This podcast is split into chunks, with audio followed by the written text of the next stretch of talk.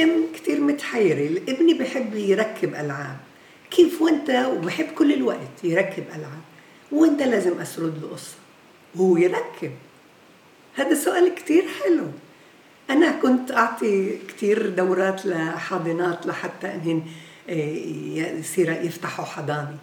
وكنت أقولها للحاضنة إنه ما تخافي ما تحسي حالك إنك انحرجتي لما أنا أجي وبدي أشوف كيف عم بالطبق اللي تعلمتيه خصوصا بالنسبة لسرد القصة. أنا ما بهمنيش إذا بيكون قاعد. الطفل في الروضة في الحضانة أنا بهمنيش إذا بيكون قاعد. المهم إنه هو مشغول بإشي بإيديه ودنيا عم تسمع. فالسرد القصصي أحلى إشي إذا بيكونش متجمد. لأنه إذا بيكون متجمد بيكونش كتير سعيد بيكونش كتير مبسوط. السا...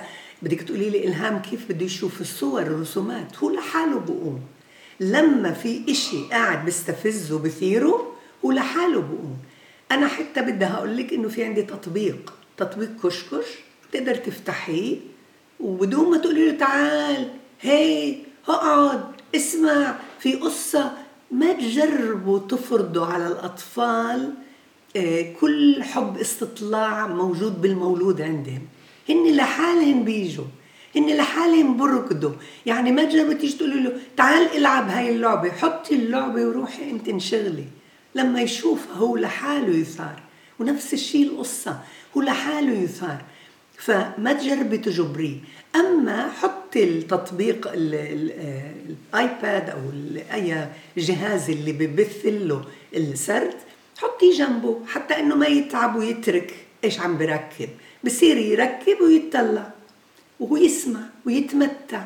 وهيك أنت بتكوني خليتيه يستفيد باكثر من جانب. الجانب اللي فيه إيديه عم تشتغل وبتركب وعم بتطلع على خارطة والجانب اللي دينيه وعاطفته عم تسمع قصة. وعملتي على رفع رصيده اللغوي خليتيه يتطور بشخصية سوية سعيدة عملتي واجبك التربوي نحوه وهو مبسوط ومرتاح وقاعد بعبي وقته بكل إشي هو نقى هو بده إياه. وهيك أنت القصة بتدخل بشكل طبيعي لحياته ولعالمه اليوم كيف ممكن أسرد قصة